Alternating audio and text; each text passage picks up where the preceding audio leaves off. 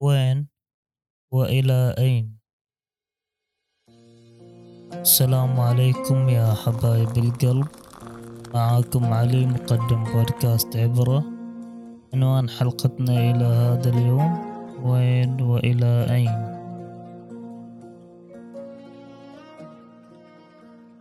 وين؟ وانت اللي تقرر إلى أين؟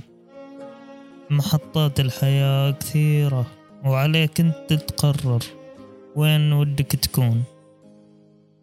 ولا تقبل أنك تشوف نفسك في محطة ما تستاهلها.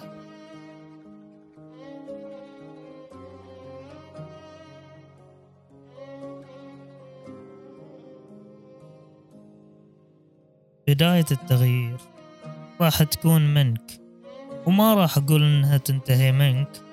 لأن التغيير إلى ما لا نهاية. في حياتنا نواجه ظروف ترهقنا ونواجه أشياء تتعبنا ولكن خذها قاعدة بحياتك. إنك لو فكرت تأخذ الخطوة الأولى تتغير راح تشوف نفسك بمحطة من محطات الحياة اللي أنت تستحقها.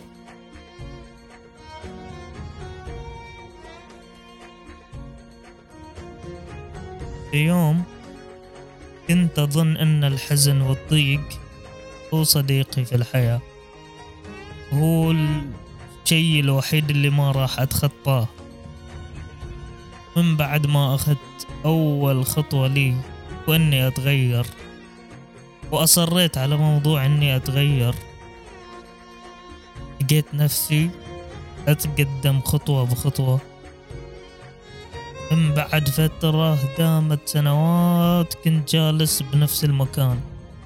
كنت أشوف الناس تتطور وتتغير وأنا في مكاني.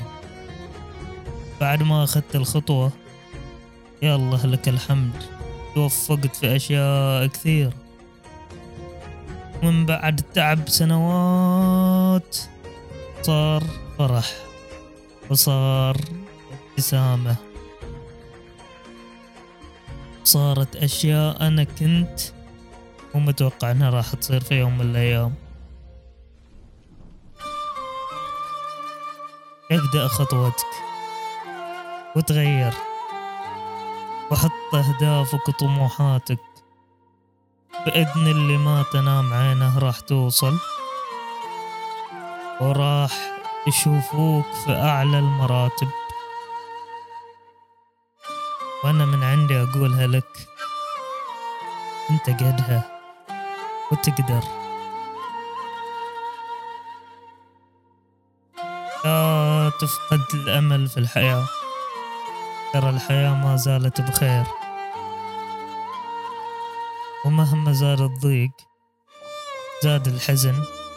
أعرف أن بعد العسر يسر. وأن ربي ما راح يترك ولا دقيقة.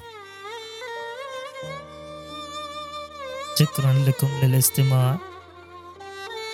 واستودعكم الله الذي لا تضيع ودائعه. وإلى لقاء قريب في الحلقات القادمة. مع السلامة.